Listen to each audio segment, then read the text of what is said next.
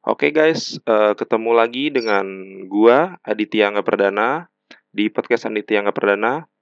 Kali ini gue bakal bahas sesuatu yang hmm, lagi bisa dibilang lagi menjadi pandemik di dunia ini sekarang.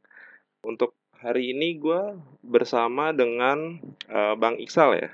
Bang Iksal, uh, tolong diperkenalkan Bang kepada teman-teman ya. yang mendengar podcast ini. Uh. Oke, assalamualaikum warahmatullahi wabarakatuh. Waalaikumsalam uh, warahmatullahi wabarakatuh. Oke, para lovers podcast lovers. uh, uh, kali ini uh, bersama gua hmm. episodenya ya. Mm, iya. Uh, perkenalkan nama lengkap gua itu Salahuddin Al Ayubi. Mm. Uh, bisa dipanggil uh, teman-teman biasa manggil gue Isa sih mm-hmm. tapi kadang Udin tapi gue lebih enak dipanggil Isal Isal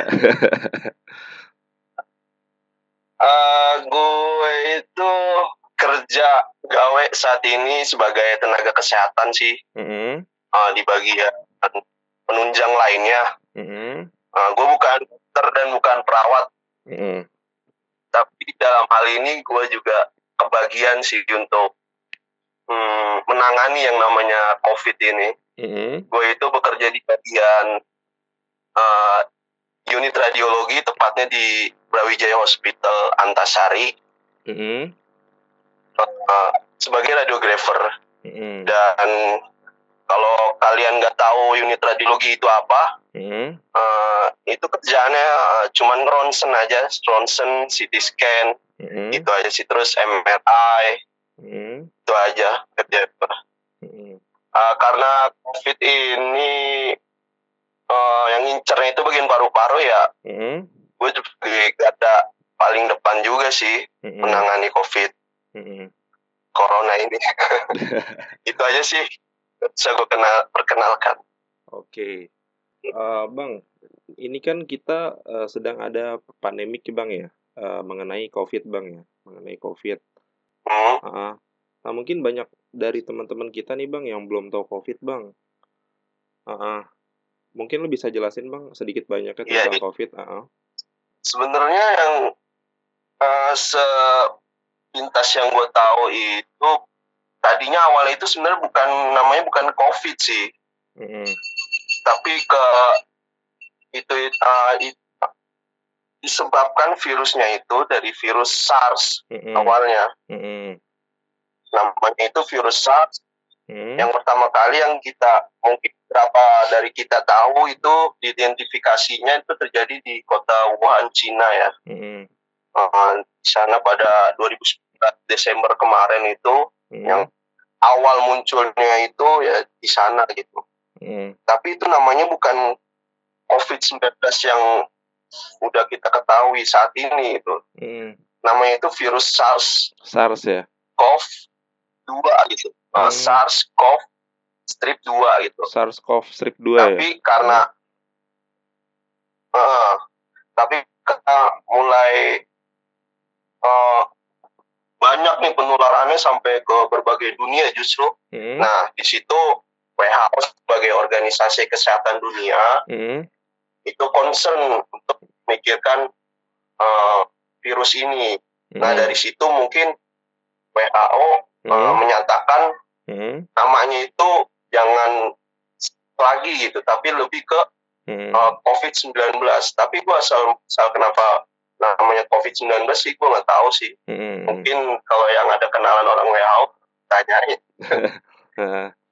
hmm. Tapi yang tahu sih awal itu nama virusnya itu SARS, tapi hmm. diganti menjadi COVID-19 pada kalau salah sih pada bulan Februari 2020 kemarin sih. Iya. Itu sih yang Bapak dari uh, dan, COVID ini. Uh, dan COVID ini singkatan dari coronavirus disease ya Bang ya? Uh, iya. Uh, Tuh, COVID. Uh, uh, dan gue juga sempat nyari-nyari juga di beberapa website, terutama nih gue buka websitenya dari uh, covid19.go.id yang dibuat oleh uh, eh, BNPB. Di sini sih dijelaskan uh, virus corona baru atau novel coronavirus adalah jenis virus corona baru yang menimbulkan penyakit bersama COVID-19. Uh, sebelumnya dikenal sebagai COVID-19, penyakit dikenal sebagai virus corona baru 2019 atau 2019 nCoV. Terus juga di sini di ada keterangannya mengenai uh, mirip dengan keluarga virus yang menyebabkan SARS gitu sih. Uh, ber, iya, uh, ya satu rumpun kayak di, satu, di SARS dong waktu dulu ya. Satu rumpun berarti bang ya? booming juga. Hmm, hmm. Uh, uh, saya jadi sih. Uh, satu rumpun ya dan gue juga hmm. sekarang mengecek juga nih bang di dunia nih bang uh, sekarang di di secara global itu ada uh, 531.684 yang terkonfirmasi nih bang di seluruh dunia bang tuh dahsyat banget ya bang ya berarti ya bang ya sampai sampai sampai detik ini ya sampai iya, tanggal ini ya sampai tanggal ini sekarang tanggal 27 jam 9 lewat 30 sih. Hmm. Itu sekarang uh, sudah mencapai 531 ribu. Wow. Mm Luar biasa ya. Iya. Kalau menurut lu apa kalau sepengetahuan lu nih Bang, uh, perbandingan penyebaran hmm. COVID nih sama penyakit-penyakit yang lainnya yang mirip-mirip nih, mungkin uh, seperti SARS terus -huh. uh, apa namanya? yang sempat mewabah juga apa kemarin tuh ada MERS dan lain-lain ini menurut lu gimana bang dari segi penyebarannya dan lain-lain bang? Oke, okay. Yang sepengetahuan yang gue tahu aja ya, mm-hmm. uh, kalau penyakit yang lain itu kenapa nggak cepet secepat ini gitu uh, mm-hmm. penularannya? Mm-hmm. Karena yang gue tahu COVID itu mm-hmm. uh, virus yang penularannya itu mm-hmm. gampang. Sebenarnya ini beda-beda tipis sama uh, virus yang ada di tuberkulosis yang kita ketahui TBC loh. Oh gitu. Sebenarnya TBC juga bahaya juga dan gampang penularannya, tapi hmm. kenapa uh, yang booming itu setelah ada virus baru ini COVID sebenarnya penularannya itu sama bro. Oh sama yang, ya? Yang gue tahu. Hmm. Hmm, gampang ya. Dari kontak terus dari hmm. udara, papasan bicara sama yang terkena penyakit hmm. itu gampang penularan karena dia masuk melalui saluran pernapasan. Hmm. Itu itu menempel di saluran pernapasan. Hmm. Dan setelah menempel itu, dia nggak langsung menuju ke paru-paru kita. Hmm. Di situ dia masih nempel aja tuh. Masih nempel tuh. Uh, mungkin karena iya, mungkin karena yang kita ketahui dari pemerintah itu kita harus yang selama 14 hari itu loh. Mm-hmm. Masa inkubasi bang ya? Itu karena apa istilah uh, inkubasinya?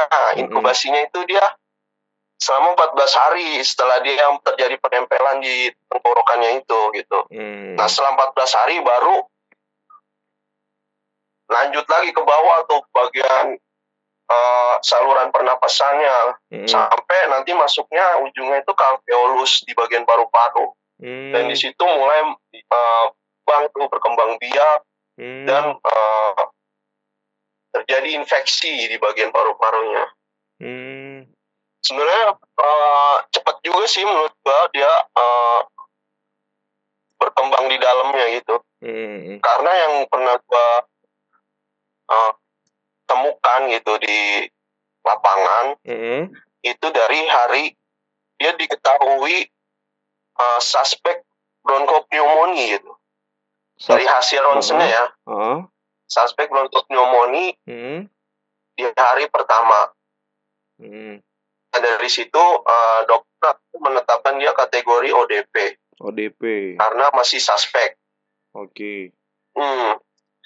Dan diamati uh, klinisnya juga gitu. Hmm. Maksudnya diamati klinisnya, hmm. uh, yang dia rasakan itu ada demam, hmm. ada pilek nanti setelah um, 14 hari itu apakah ada penurunan uh, kesehatan yang sama pasien ini gitu misalkan hmm. dia semakin demam terus hmm. semakin batuknya makin parah hmm. pileknya juga terus apalagi ada peradangan gitu hmm. nah itu sama dokter dievaluasi lagi untuk di ronsen ulang hmm.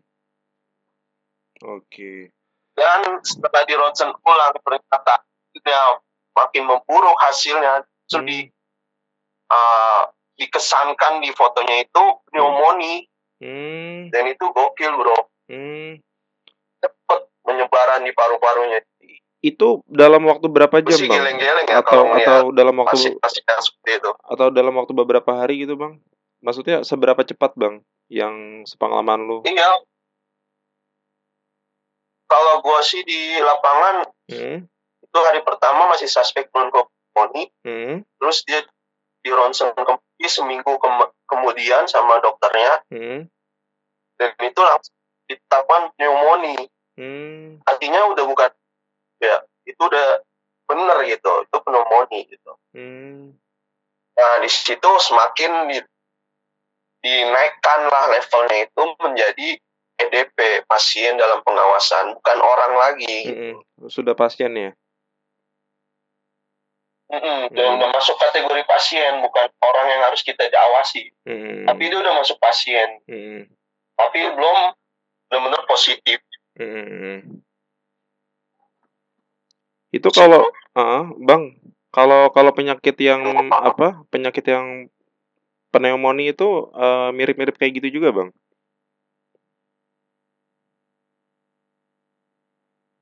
Uh, memang yang dicurigakan itu karena hmm. COVID-19 ini kan itu penyakit pernapasan. Hmm. Sedangkan pernapasan kita itu adanya di paru kan. Hmm.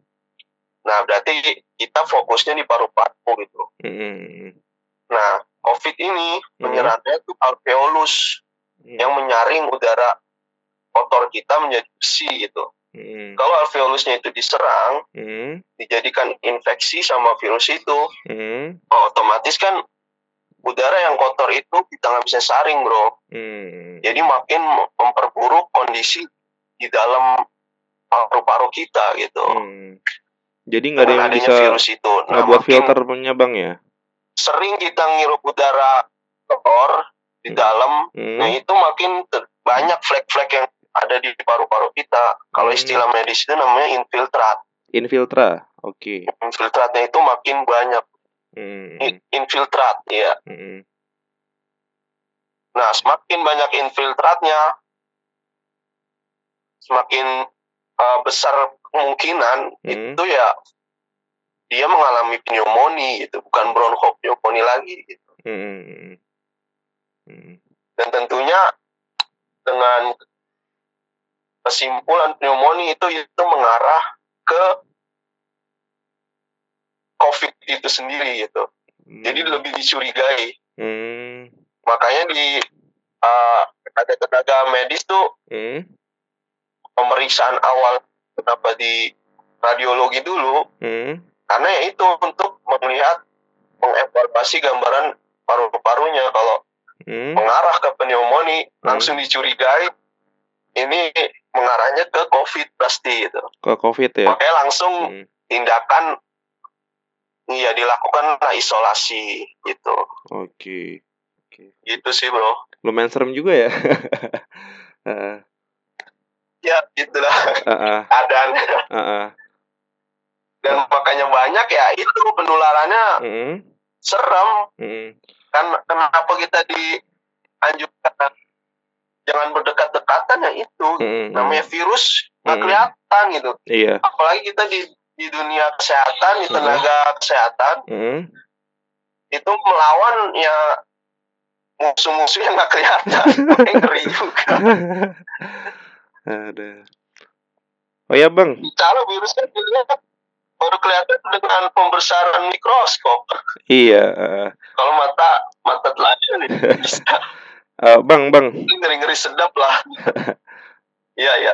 Uh, ini bang, kalau virus COVID ini untuk penyebarannya sendiri itu hanya lewat droplet atau gimana bang? Soalnya kan dari yang gua apa, gua baca-baca mungkin mungkin salah satunya ada yang hoax ya. Gua juga nggak tahu nih bang uh, ada yang ada yang bilang katanya bisa bisa lewat bisa le lewat airborne ada yang bias ada yang bilang juga hanya droplet aja gitu kalau dari hmm. pandangan lu gimana bang kalau droplet sih itu udah terkonfirmasi sih hmm. udah bapak apa uh, ahli-ahli udah memastikan itu pasti kena yang uh, untuk droplet. Hmm. Tapi kalau airborne sih beberapa bukan beberapa sih yang gue lihat kemarin di ILC itu yang dokter jelasin hmm.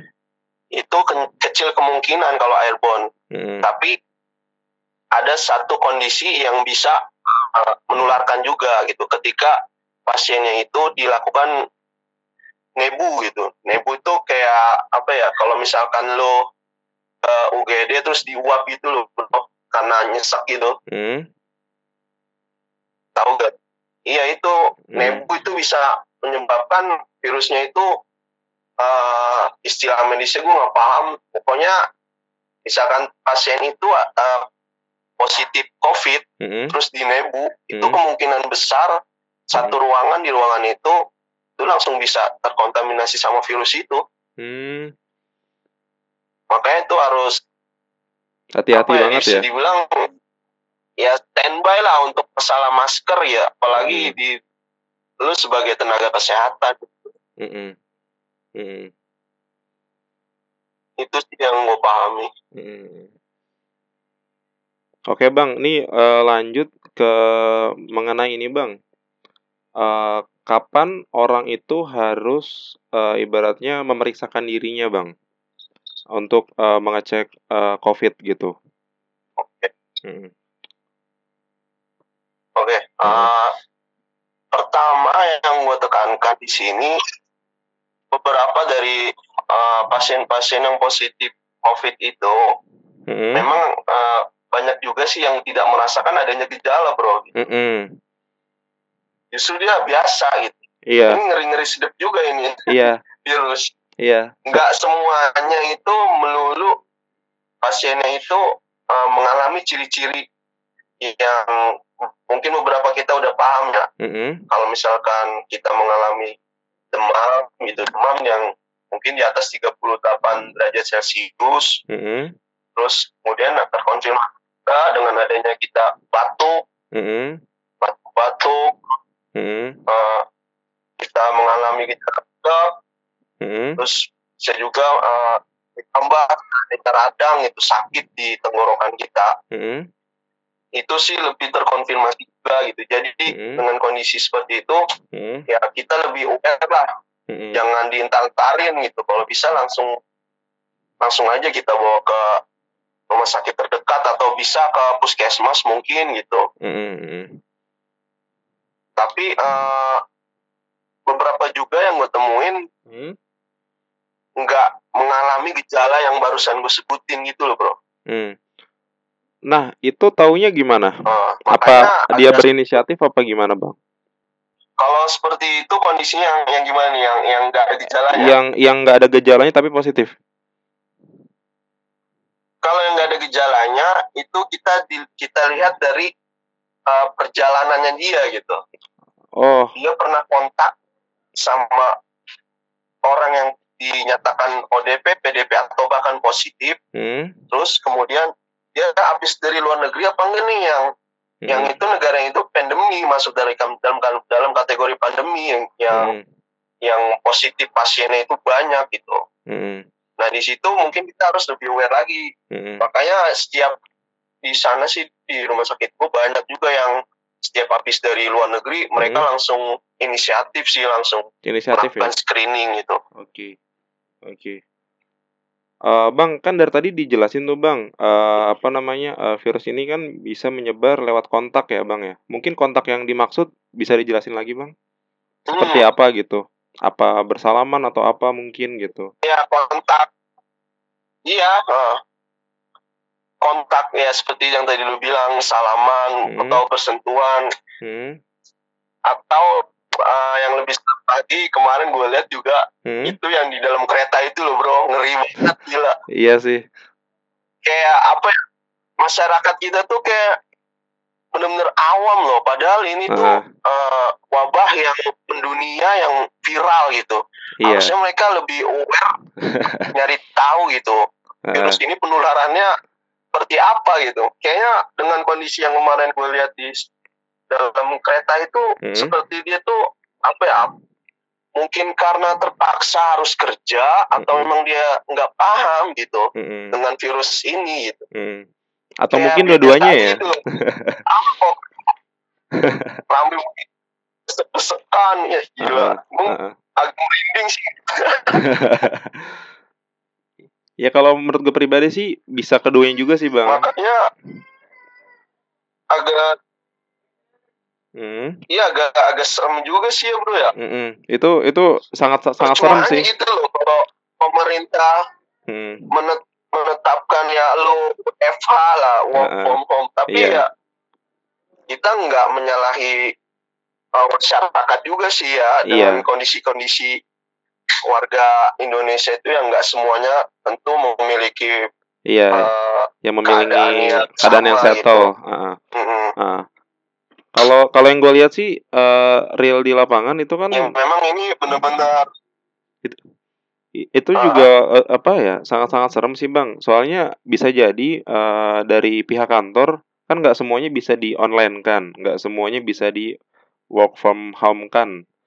Jadi mungkin secara terpaksa seperti itu. Uh, walaupun sudah ada anjuran dari khususnya di kita kan di domisili di DKI ini bang. Dari Pemda DKI-nya kan sudah ada anjurannya ya bang ya. Untuk kalau bisa seminimalisir mungkin bekerja dari rumah. Seperti itu. Cuma gue lihat masih banyak banget sih yang masih dalam tanda kutip berkeliaran sih di luar sih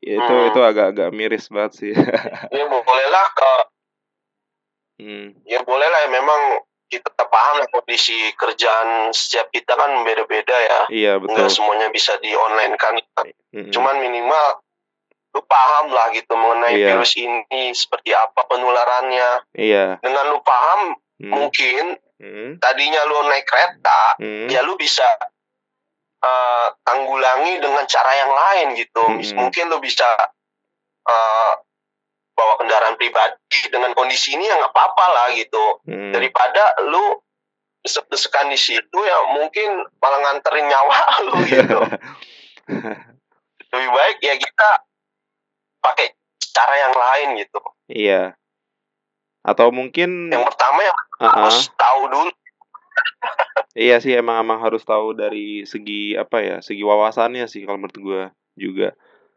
Dan kita uh, uh, uh, dan dan mungkin untuk uh, salah satu solusinya kalau misalkan di tempat-tempat umum ah sorry di kendaraan umum itu rame bisa juga sih naik uh, ojol sih bang kalau menurut gua bang. Soalnya kan kontaknya cuma ke satu orang iya, doang tuh. ya. uh, uh. soalnya kan ada juga beberapa teman-teman kita yang mungkin nggak bisa membawa kendaraan pribadi kan bang jadinya mau nggak mau harus uh, numpang lah dalam tanda kutip gitu sama orang yang bisa membawa kendaraan gitu. -hmm kayak gitu ya ya uh. ya itu sih bisa jadi salah satu alternatif bisa juga gitu iya ya intinya jangan jangan saling ngumpul-ngumpul gitulah kondisi seperti ini gitu uh -uh. agak riskan juga ya uh -uh. Ya kayak Tapi yang... ya balik lagi kalau kita yang nggak paham ini juga susah bro uh -uh. ya kayak di Italia aja bang ya iya. dari yang info yang gue dapet juga masih banyak yang nongkrong-nongkrong kan yang waktu sebelum social distance itu dibumingkan itu masih pada nongkrong masih pada macam-macam nah, itu juga kayak mm kayak nggak menggubris gitu loh mm -mm. mungkin gampangin kali karena kan karena gue juga sempat uh -huh. sih mm -mm. mm -mm. dengan orang yang seperti itu nah uh, betul Nah ini juga kenapa podcast gue juga ya, via telepon jujur juga, aja karena juga itu ya jujur aja ya gue hmm. geram kenapa ya melihat orang-orang yang seperti itu karena ujung-ujungnya kasihan sekiranya hmm. dia kena hmm. yang kewalahan nakes-nakes lagi bro. Tenaga tenaga kesehatan. Iya betul. Yang di mana tenaga hmm. kesehatan itu kalau terus-terusan korban bertambah lama-lama makin banyak korbannya timbang tenaga kesehatan. Kan ngerinya di situ doang gitu. Ngeri banget ya. Korbannya makin banyak, tenaga kesehatannya sedikit, tapi yang ada mereka kelelahan, jadi terpapar juga. Mm-hmm. Nanti yang nyembuhin siapa ujung-ujungnya? uh, uh. Itu sih mikirnya sebenarnya kalau buat teman-teman yang masih bandel keluar gitu. Iya. Yang mungkin ya paham lah mereka nggak nggak betah gitu. Eh cuman coba coba dipikirkan lagi lah jangan jangan sampai terjadi itu sekiranya korbannya lebih banyak, uh-huh. terus tenaga kesehatannya kelelahan, uh-huh. ntar yang mau obatin siapa gitu. Nah, nah itu dengerin tuh apa teman-teman tuh. Kalau misalkan kira-kira kalian nggak penting-penting amat buat keluar rumah, kalau bisa jangan sih gitu. Ditahan dulu aja. Kalau bosen tahan dulu aja. Kecuali emang bener-bener penting, baru nggak apa-apa deh keluar rumah. Ya bro ya. Iya. Uh, malahan kemarin. Masih, uh, alhamdulillah. Kita masih alhamdulillah nggak sampai di lockdown. Iya. Gua nggak bayang kalau gitu gua gua ngeri banget sih kalau di lockdown bisa jadi loh ada. Gua ya ke depan ke depan bisa jadi di lockdown kalau kondisi kita seperti ini terus gitu. Mm -hmm. kalau dikasih tahu nggak ngerti gitu mm -hmm. ke depan bakalan bisa bisa terjadi. Mm -hmm. karena dievaluasi dari segi jumlah korban bro kalau korbannya semakin banyak mm -hmm ya terus kita harus bisa ngambil ke sikap yang tegas gitu. Hmm, hmm, hmm, Nah, enggak gue herannya gini sih bang. Ini kan kondisi kayak gini. Misalkan uh, Jakarta bisa dibilang di sudah mulai dianjurkan social distancing maupun uh, maupun physical dis distancing. Nah itu banyak banget yang hmm. langsung berbonong-bonong nih bang. Yang waktu sorry tanggal berapa ya? Yang waktu hari Minggu tanggal 14 kalau nggak salah deh. Eh sorry tanggal 15 itu uh, banyak banget tuh langsung pada ke puncak kayak gitu. Kan harusnya kan sebenarnya dia di, dianjurkan di rumah nih ya. Ini malah pada libur liburan beneran gitu.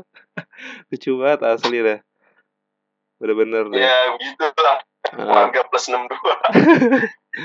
Gue nggak habis pikir sih. Ya bisa dibilang. Uh -uh. ini deh kayak ya, gitu. kita pengen berkata kasar pengen berkata kasar cuman ya begitulah keadaan kondisinya.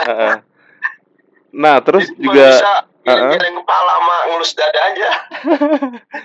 Nah terus juga belum lama nih ada uh, bisa dibilang saudara jauh gua sih ya. Dia kan domisili di Jab di Jabodetabek.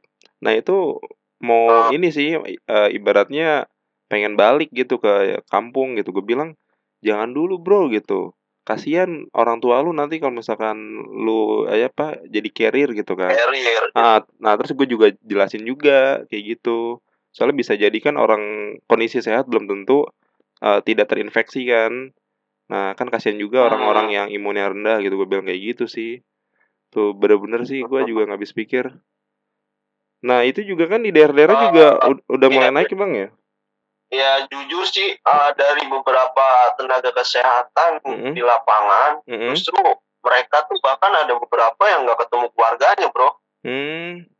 ya, itu tadi mereka tuh takut kalau mereka tuh menjadi pembawa carrier gitu iya sedangkan sedangkan di kalau sekiranya mereka pulang ke rumah mm. dan ketemu anak istri mm. terus ketemu suami bahkan misalkan kalau tinggal sama orang tua ketemu orang tua mm-hmm. yang usianya itu udah rentan kasihan bro mm-hmm. kasihan banget balik lagi kita harus aware lah gitu aware bukan hanya kepada diri kita sendiri tapi orang lain juga gitu mm-hmm. Mm-hmm. Dan semua itu bisa kita lakukan mm-hmm. ketika kita punya pengetahuan tentang ini gitu. Oke. Okay. bisa jadi orang orang dari kita kita nggak paham yang namanya carrier itu apa gitu. Iya. Iya taunya tas gunung ya. Mungkin beberapa teman-teman kita yang awal-awal yang tadi lu bilang tanggal 14 apa 15 yang tiba-tiba disuruh libur di rumah tapi mereka pergi ke puncak ya hmm. ya itu mereka mungkin belum paham itu atau mereka nggak iya. kepo iya. dengan yang namanya COVID-19 ini. Iya. Atau justru Jadinya, bahkan malah malah mengabaikan ya bang? Gimana gimana? Atau mungkin malah mengabaikan. Tahu tapi mengabaikan gitu. Ah udah bodo amat gitu. Masih masih sedikit ya, ini. itu lebih fatal. Ya itu lebih fatal. Uh, uh, yang uh, yang gua sih udah udah nggak peduli sama orang seperti itu intinya itu bisa menganggap orang itu orang seperti itu pembunuh menurut gue ya hmm. istilah kasarnya gitu iya Iya. Uh, eh, gue juga. uh, gue juga beberapa waktu lalu juga sempat ngepodcast nih bang sama mahasiswa Indonesia yang ada di Korea Selatan bang. Itu di Korsel uh. sendiri itu kalau misalkan mau keluar rumah nih bang sakit dan tidak sakit kalau nggak pakai masker itu benar-benar bisa di apa bisa dikasih denda ataupun hukuman bang sama pem, sama pemerintahnya oh, gitu. ah, ah, jadi benar-benar tegas sih gue lihat kayak gitu memang yang kita ya, tahu itu, kan bilang tadi uh, uh, harus tegas sih dari segi pemerintahnya iya gitu. jangan setengah-setengah ya iya karena uh. pemerintah harus paham warga itu harus itu seperti apa kondisinya ada ini aja yang yang warga-warga luar negeri ya uh-huh. mereka tuh yang yang identik dengan kedisiplinan uh-huh. yang mungkin mereka udah buang sampahnya itu udah pada tempatnya uh-huh. yang mereka tuh masih takut gitu uh-huh. dan taat aturan pemerintahnya gitu uh-huh. apalagi Indonesia yang nggak disiplin ya gue bukannya jelek-jelekin negara kita atau warga uh. kita gitu tapi itulah kondisinya gitu yeah. yang kita tahu iya yang memang harus tegas mm. di luar aja pemerintah tegas dengan kondisi warganya yang udah disiplin semua muanya mm. apalagi kita gitu mm. yang warga itu masih belum inisiatif untuk yeah. untuk sadar lah ya. lah. Untuk sadar ya. Iya, seperti itu. Uh -uh. Nah nih bang, nyambung ke soal ke pemerintah nih bang. Uh, uh. Apa namanya untuk uh, untuk peralatan medis nih bang? Sejauh yang lo tahu gimana bang? Uh. Apakah sudah cukup atau gimana? Khususnya di Brawijaya Hospital nih bang. Uh. Hmm. Uh, mengenai APD ya, APD alat pelindung diri. Mm -hmm. Memang dari awal kita sempat ketar ketir nih. Mm -hmm karena karena sempat susah bro gitu jujur hmm. gue awal-awal hmm. sih susah gitu di bagian logistik uh, gudang farmasi gue sempat kehabisan hmm. kan uh, hazmat gitu kan hazmat hmm. seperti kayak masker handscoon aja tuh sempet loh gitu susah gitu hmm. sampai waiting list beberapa hari itu padahal kondisinya pasien terus berdatangan di rumah sakit hmm. tuh untung alhamdulillah ada beberapa teman-teman kita yang hmm. mungkin dikasih rezeki yang tinggi, mereka menggalang menggalang uh, dana kemanusiaan, bantuan hmm. untuk yang masih peduli terhadap tenaga kesehatan, hmm. yang tentunya uh, harus kita ketahui ini penyakit penyakit yang enteng, ini hmm. penyakit menular gitu. Hmm. Kalau sekiranya tenaga kesehatan nggak di bekali dengan alat pelindung diri yang lengkap, hmm. hazmat yang kita udah ketahui bersama yang hmm. mungkin beberapa orang lihat kayak baju astronot gitu ya. Iya. ya mungkin gampang ngepaparnya gitu. Hmm. Okay. Karena ini penyakit infeksius yang gampang terpapar gitu. Kalau bukan menggunakan pakaian seperti itu, hmm. bahkan ada beberapa yang udah menggunakan seperti itu aja masih ada beberapa yang kepapar loh gitu apalagi yang enggak gitu. Kan logikanya seperti itu. Dan dari pemerintah mungkin ya karena ini jujur dari uh, wabah ini tuh wabah yang mendadak gitu. Dan tidak uh, tidak sedikit memerlukan dana untuk kita keluarkan gitu. Bisa jadi uh, pemerintah kaget dan tidak menyediakan apa ya range hmm. untuk uh, dana khusus kejadian-kejadian seperti hmm. ini makanya pemerintah ya terketir diri juga gitu hmm. APBN kita mungkin nggak hmm. ada khusus buat menangani uh, wabah ini gitu karena ini kan jujur ini dadakan yang serba dadakan iya tapi wabah ini bisa hmm. kita tanggulangi dengan kita saling bekerja sama gitu hmm. jangan hanya mengandalkan pemerintah iya. makanya alhamdulillah beberapa teman-teman relawan mungkin yang hmm. uh, terketuk hatinya hmm. itu menggalang menggalang bantuan dana kan untuk untuk khusus uh, khususnya itu untuk me, membeli yang namanya alat pelindung diri itu gitu. Hmm. Kalau di rumah sakit gue awal-awal jujur gue stoknya itu kita sempat waiting list dan sampai ketar ketir kita uh-huh. Wah, gila gimana sih kalau kerja nggak pakai APD uh-huh. dengan suasana yang seperti ini gitu stres gue bener stres uh. sampai-sampai uh, yang ngeri lah gue pengen uh. tadinya gue sempat yang nggak pengen pulang gitu mm. takut gue menjadi carrier gitu untuk keluarga gue mm. tapi ya selama kita masih uh, melakukan cuci tangan mm. gitu terus biasain gitu bro hmm. pakai hand sanitizer atau hand wash hmm. intinya sih cuci tangan sih untuk melindungi diri kita gitu sering-sering cuci tangan hmm. kita hmm. ke mana pun ya cuci tangan sebenarnya masker itu juga nggak terlalu buat orang yang sehat ya bukan tenaga kesehatan dalam hal ini gue bicaranya hmm. buat orang-orang kita yang biasa gitu hmm. nah masker ini yang tadi gue bilang ini kan bukan airborne gitu airborne dalam kondisi situasional gitu mm-hmm. itu bisa udara lewat udara tapi kalau udara yang seperti ini sih ya buat orang kita buat kita yang masih sehat yang daya tahan tubuhnya masih kuat mm-hmm. insya Allah sih aman bro kalau nggak pakai masker mm-hmm. kecuali yang memang lu dalam kondisi yang kurang fitnya itu wajib mm-hmm. Supaya untuk tidak menularkan bang ya kalau misalkan iya, terjangkit pun mm-hmm. Mm-hmm. Hmm.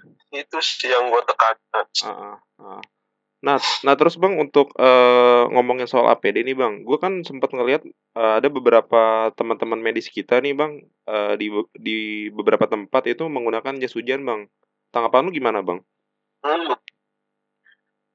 Ya begitulah uh, kondisinya bro gitu. Uh, uh. Karena jujur loh, uh. itu baju yang lumayan mahal loh. Berapa bang kalau kalau kalau boleh tahu? gue itu hmm? uh, mereka kan itu hmm? satu paket gitu ya. Hmm? Satu paket itu bisa kena itu lima ratus ribu yang pengetahuan gue. Isi berapa? Lima ratus ribu itu sekali pakai bro. Itu satu satu paket maksudnya satu item aja bang? Apa sorry bukan satu item? Satu, satu untuk satu orang? Bukan satu item uh, iya untuk satu orang untuk kayak, satu orang ya uh, skernya terus sarung tangannya lima ratus ribu bajunya, ya tadi ya terus uh, pelindung kakinya hmm. itu kurang lebih lima ratus ribu hmm. dan dan itu satu kali pakai bang dan itu satu kali pakai hmm. dan kenapa uh, sempat viral di beberapa media sosial yang hmm. itu me memperlihatkan nakes-nakes kita yang kelelahan menggunakan pakaian itu terus mereka minum apa kehausan dengan hmm. ditulis-tulis seperti itu kan hmm. aku haus gitu terus aku lapar uh. ya itu karena apa karena kalau kita udah menggunakan pakaian itu lu nggak nggak bisa ngapa-ngapain bro hmm. kalau lu udah lepas hmm. lu harus keluar dari ruang isolasi itu dan lu harus pakai pakaian itu yang baru hmm. gokil gak hmm. Sedangkan selama bekerja di dalam hmm. itu satu shift, satu shift hmm. lu bekerja itu hmm. kurang lebih selama tujuh jam. Duh, itu gue nggak kebayang. Lu bayangin ya tuh. Nahannya, bayangin. nahan haus, nahan, nahan pipis, nahan pipis, nahan, uh. nahan haus, nahan lapar. Iya, luar biasa ya. Harus pakai pakai pakaian seperti itu selama satu uh. shift. Uh. Luar biasa ya. Dan gue pernah rasain itu bro yang Gila. yang apa nih kalau yang kalau yang hasmat atau yang jas hujan yang dua-duanya sih ya dua-duanya dua-duanya sama kuat bro ya lu bayangin lah pakai jas hujan di kondisi yang enggak hujan iya yeah. kayak apa ya, ya? Kata yang kayak di sauna lah. Udah gitu. Tujuh jam ya? Muka lu ketutup masker uh, uh. yang maskernya itu bukan hanya satu ya. Uh. itu bisa dua sampai tiga lapis bro. Aduh serem. Bayangin. jadi bener-bener ini ya bener-bener aware banget bang ya? Nyesek nyesek. Apalagi kalau lu dinas malam mata lu ngantuk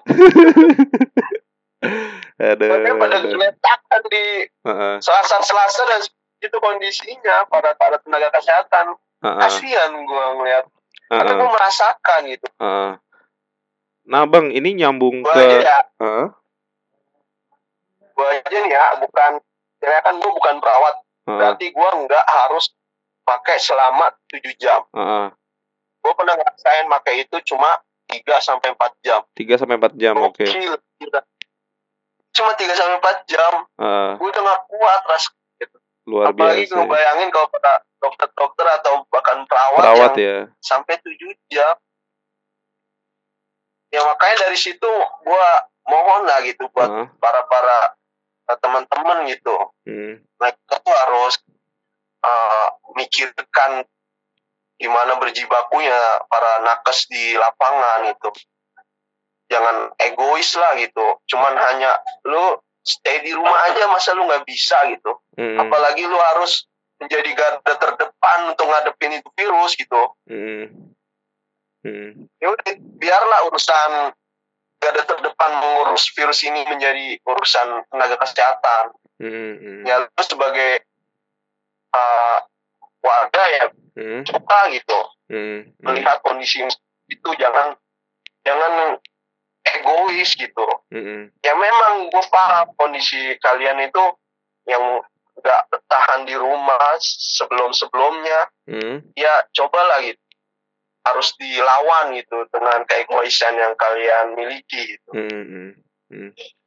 Ini gue sampai merinding loh bang. Bro pas lu ngomongin apa perawat menggunakan pakaian itu sampai 7 jam itu gue sampai merinding loh bener gue nggak kebayang kalau misalkan gue di posisi itu gila banget ya itu berarti sangat rentan banget bang ya beberapa, ada beberapa temen gue yang perawat bro hmm. yang sampai apa ya bekas maskernya itu sampai berdarah bro sampai lecet hmm. gila gak tuh serem banget ya Allah emang huh? gue rasain itu sama pakai masker hmm. karena masker itu kan ada kita pakai masker udah biasa hmm. terus di ditambah lagi di digabung sama mas, masker N95 hmm.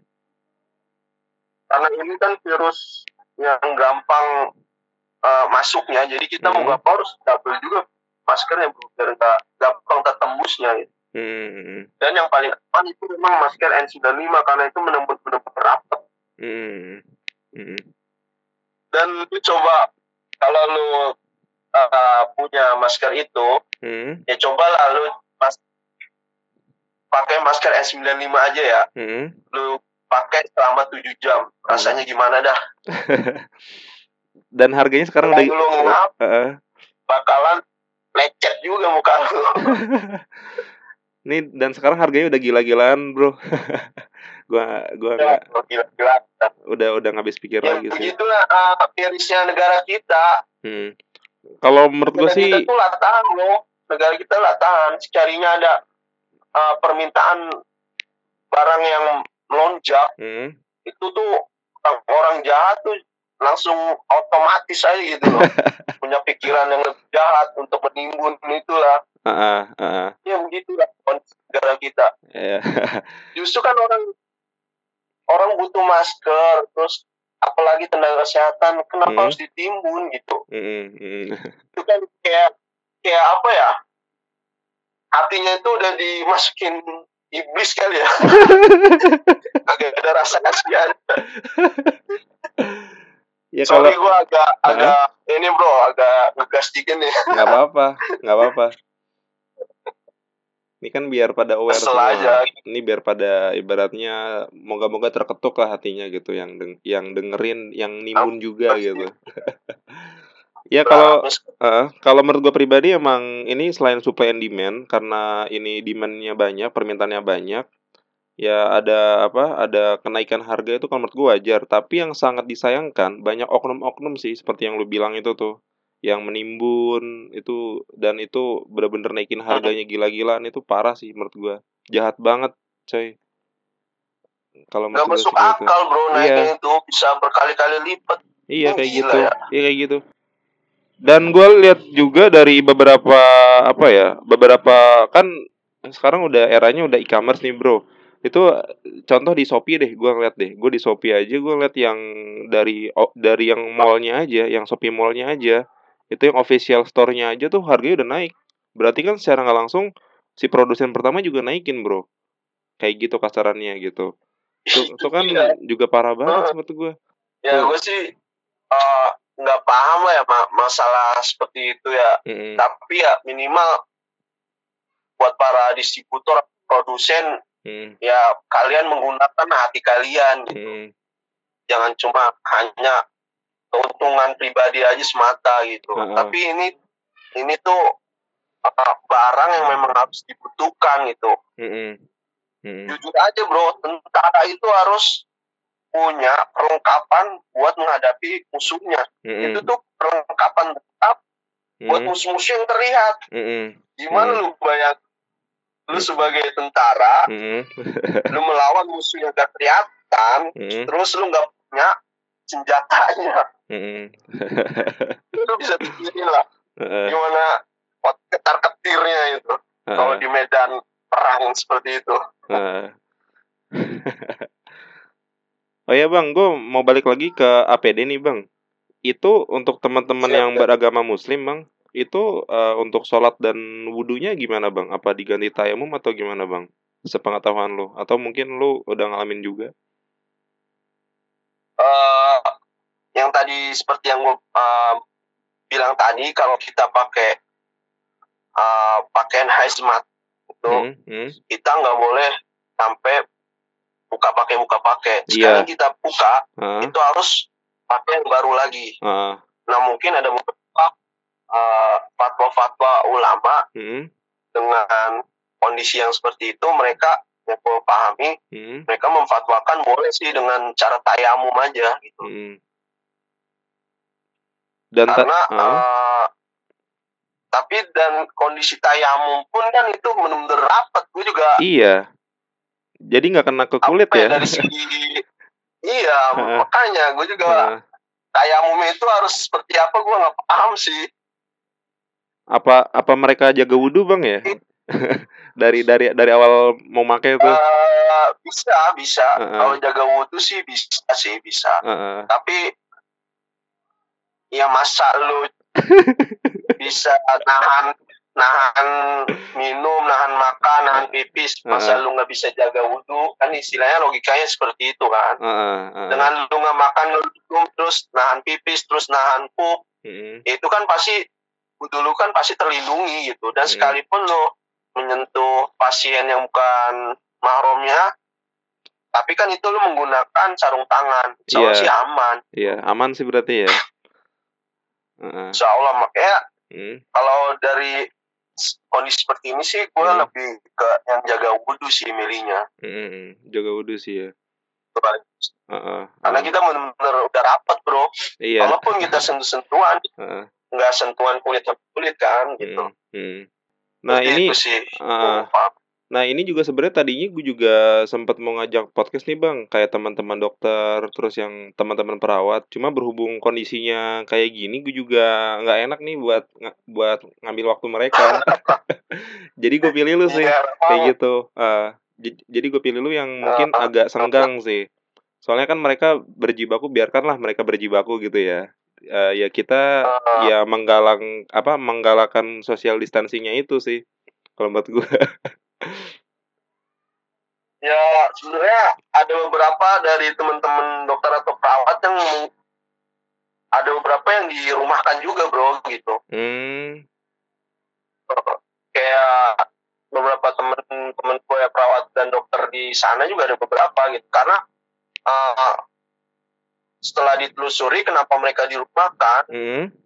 mereka sempat uh, setelah mereka cerita nih ya hmm. mendengar ceritanya hmm. itu mereka pada awal awalnya itu dia nggak tahu kalau itu pasien mengarah ke pasien covid hmm. dan parahnya mereka nggak siap dengan apa mereka gunakan hmm.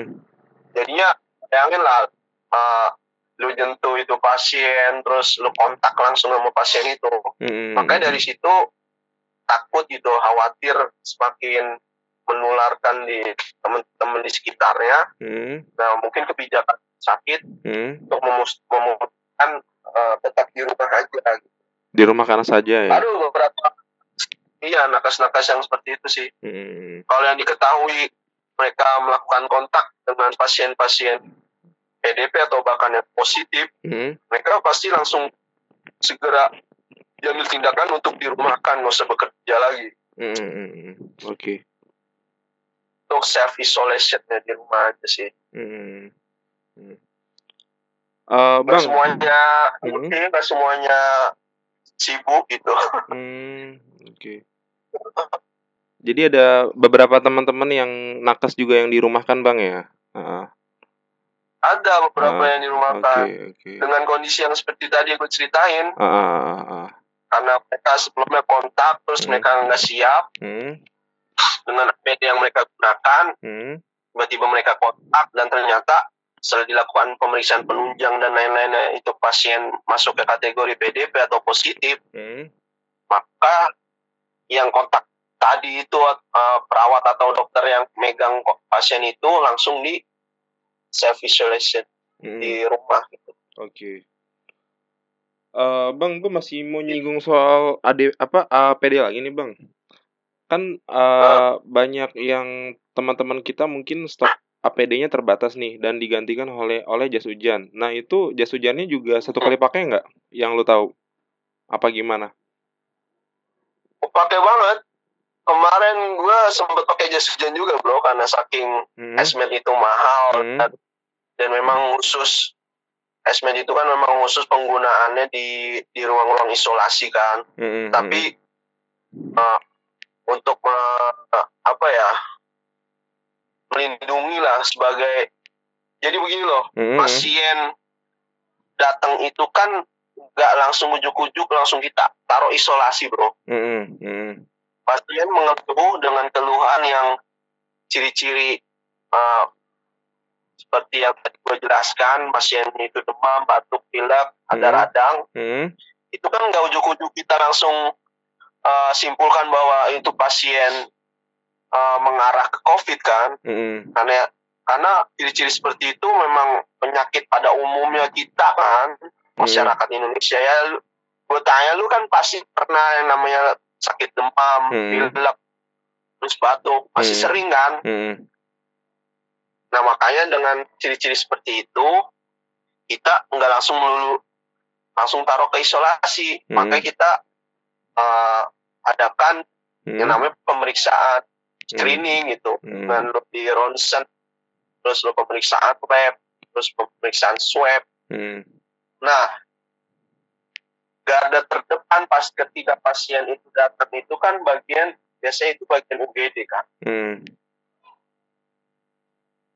bagian UGD itu sekarang itu kondisinya hmm. harus dengan APD lengkap bro. APD lengkap ya sekarang ya? Karena kondisi iya, karena hmm. kondisinya seperti itu gitu. Hmm. hmm. Karena pasien datang itu kita nggak tahu itu pasien COVID atau enggak gitu. Hmm. Jadi dengan banyak ya bertambah kor, uh, korban yang bertambah banyak sampai uh, saat ini, hmm. maka sebagai apa bahkan rata-rata sih yang gue tahu hmm. kebijakan rumah sakit itu membuat aturan untuk semua dokter dan perawat yang berada di UGD hmm. terus di penunjang lainnya hmm. seperti bagian dua radiologi dan laboratorium hmm. itu minimal harus menggunakan APD lengkap. APD lengkap ya. Iya, okay. tapi dilalahnya hmm APD lengkap itu kan identiknya dengan pakaian hazmat kan yang kita tahu. Iya. Dan tentunya hazmat itu kan yang tadi gue bilang itu mahal bro. Iya. Betul. Makanya digantilah dengan jas hujan itu. Hmm. Itu. Hmm. Cerita. Uh, nah untuk Makanya jas. Beberapa uh. nakes di lapangan banyak yang menggunakan jas hujan. Hmm. Ya itu karena kita kekurangan yang namanya hazmat.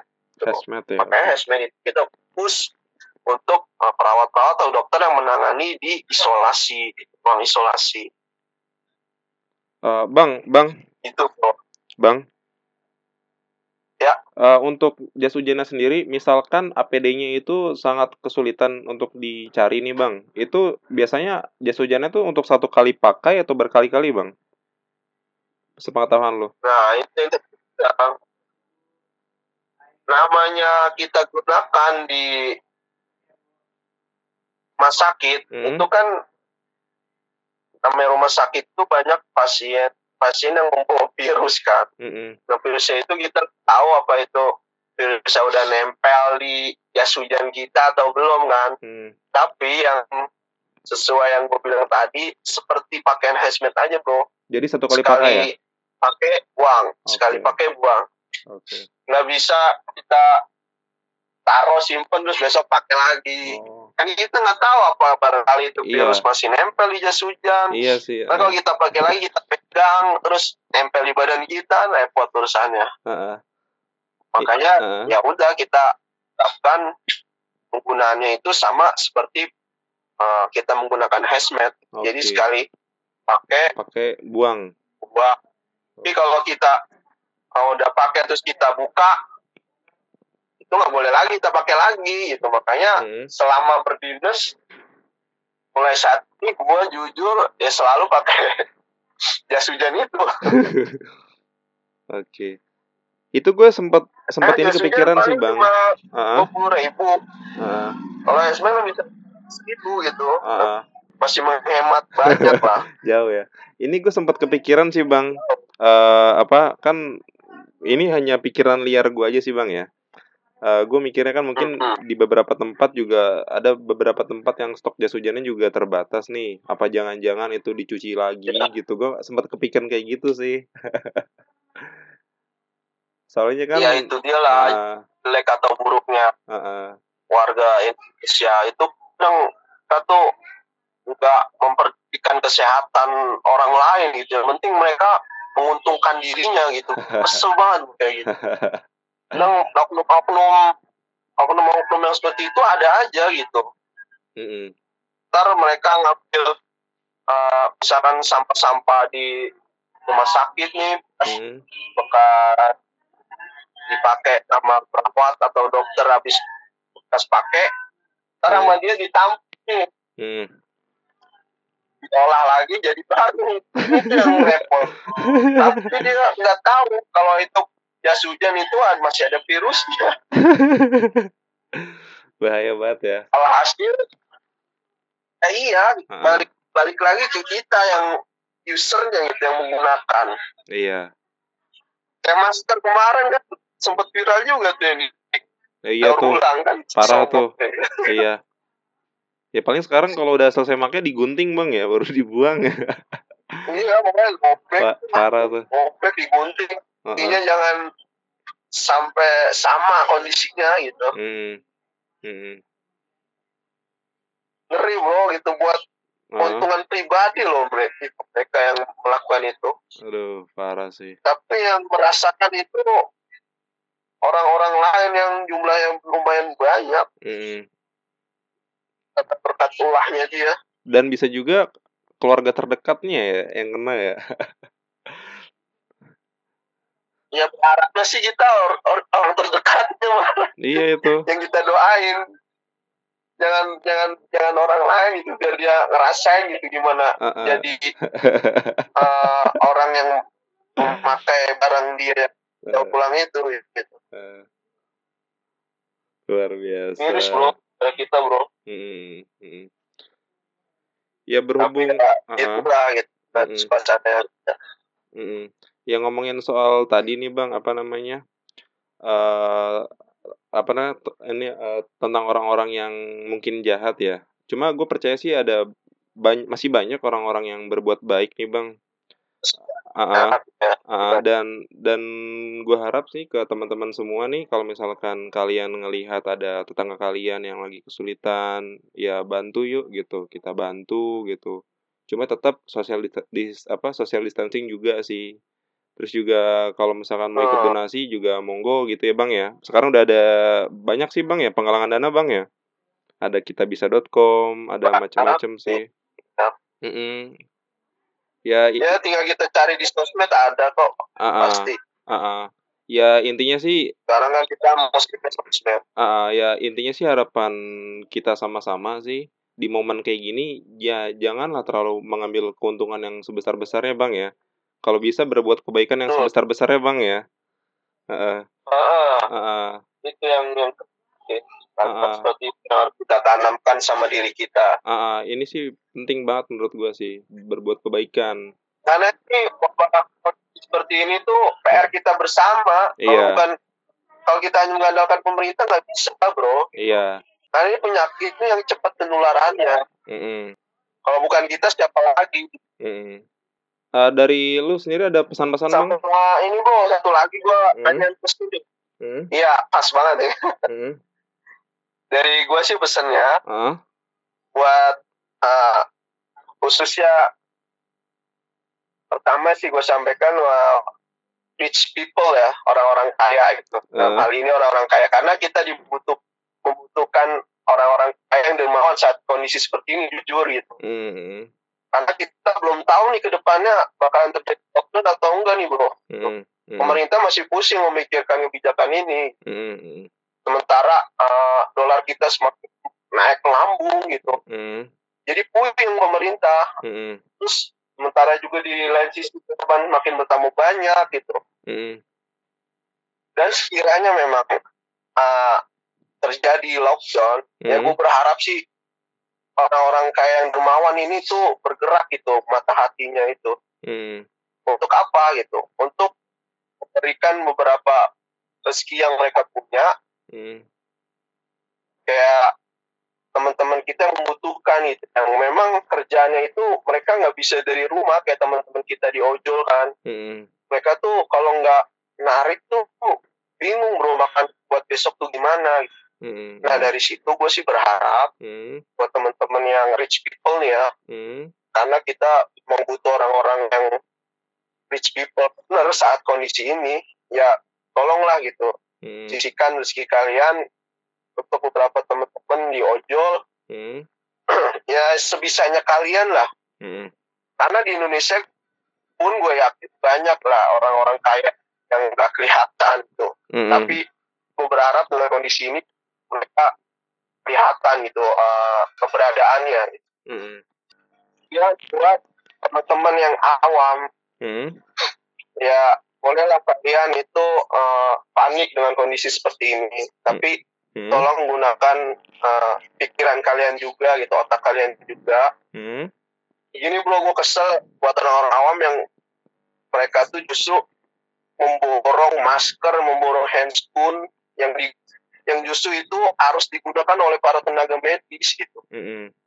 Dalam hal ini gue memper apa ya memberikan uh, sepatah dua kata buat kalian yang masih memborong masker atau handscoon. Mm-hmm.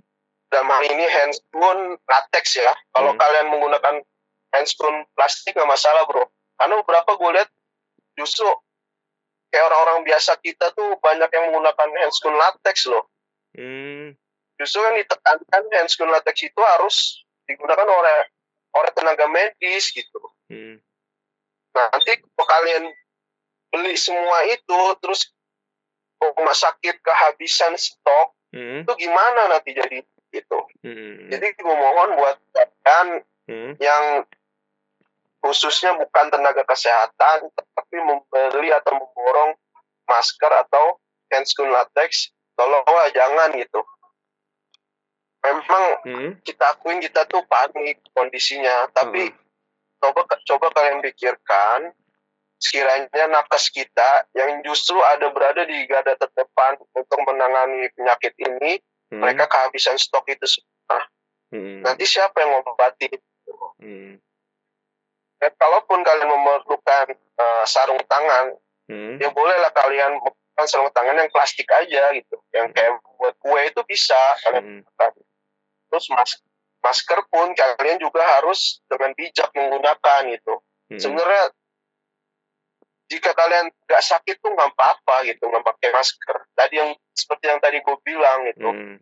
karena daya tahan tubuh kalian itu udah baik gitu. Kecuali yang memang kalian dalam kondisi yang kurang fit yang hmm. memang itu harus justru kita wajibkan gitu menggunakan masker hmm. Hmm. intinya bijaklah kita ketika membeli yang memang bukan dikhususkan untuk kita gitu seperti kayak masker dan headset oke okay. itu terus terakhir hmm. dari gua karena kebijakan pemerintah sudah berjalan untuk kita social distancing mm -hmm. gue berharap kalian nurutlah gitu sama pemerintah mm -hmm. jangan sampai terus berlarut bertambah gitu kalian mau gitu kita kondisi kita seperti di Italia gitu yang setiap harinya itu ratusan manusia meninggal hmm. jangan sampai kita belajar lah dari Italia yang di awal itu mereka menyepelekan gitu dengan uh, tidak mematuhi aturan pemerintah gitu. jangan sampai terjadi di negara kita gitu. Ketika pemerintah mengajukan kita stay di rumah tolonglah tetap stay di rumah kalau bisa sekecil mungkin gitu kalian keluar yang memang itu tidak penting ya udah di rumah aja gitu. kecuali yang memang tidak penting ya gitu hmm. itu aja sih dari dulu oke okay. sebagai tenaga kesehatan okay. karena memang beberapa tenaga kesehatan ya keluhannya seperti itu gitu hmm. kalau okay. kalau kita enggak uh, viralkan ini hmm. dan beberapa warga kita nggak paham dengan hmm. ini hmm ya mau gimana lagi kita terima aja kondisi yeah. yang ada itu iya yeah. ya semoga uh, setelah podcast ini di share banyak juga uh, masyarakat yang tergerak hatinya bang ya saling bahu membahu ya bang ya sih berat mm -hmm. gue berapa begitu bro mm, saling bahu membahu ya kita tetaplah uh, berdoa gitu semoga mm -hmm. uh, wabah ini cepat berlalu itu apalagi mm. sekarang sudah mendekati yang namanya bulan Ramadan gitu. Nah, Justru itu. itu tuh bulan yang sangat kita tunggu-tunggu bro gitu. Iya. Sakralnya tuh luar biasa. Uh, uh, uh. Uh. Oke. Okay. Buat teman-teman kita yang bermuslim gitu ya kan. Mm, mm, mm. Ada yang mau ditambah lagi bang? Dari lo bang? Uh, uh, sebenarnya sih cukup bro itu cukup aja itu sih aja, ya? pesan-pesan ya? gua. Oke. Okay. Uh. Uh, uh, untuk podcast kali ini uh, akan gue tutup. Uh, untuk teman-teman yang mendengar podcast ini, tolong kalian share ya ke grup-grup kalian, ke grup-grup keluarga kalian, ke teman-teman kalian, ke semua orang sih yang kalian kenal gitu, agar uh, kita bisa meminimalisir penyebaran dari COVID ini dan syukur-syukur uh, bisa uh, dalam tanda kutip menghentikan uh, penularan dan kalau bisa sih wabah ini hilang ya bang ya di sebelum bulan Ramadan ya kalau bisa ya. Iya. iya. Uh, berharap kita masih uh, seperti itu semuanya. Uh, ya gue harap sih kalian bisa bekerja sama sih uh, kita, lu, mereka, gua kita bahu membahu kita bantu sebisa kita kalau yang bisa apa kalau yang bisa untuk uh, mensisihkan dana sisihkan dana yang bisa untuk berjuang berjuang ya pokoknya kita saling nguatin sih intinya kayak gitu bang ya. Betul. Uh, iya kita satu kesatuan lah. Sama-sama kita melawan virus ini. Gitu. uh, uh. Uh, oke okay, sekian dari gue dan bang Isal. Kurang lebihnya gue mohon maaf. Wabillahi taufiq walhidayah wassalamualaikum warahmatullahi wabarakatuh. Waalaikumsalam warahmatullahi wabarakatuh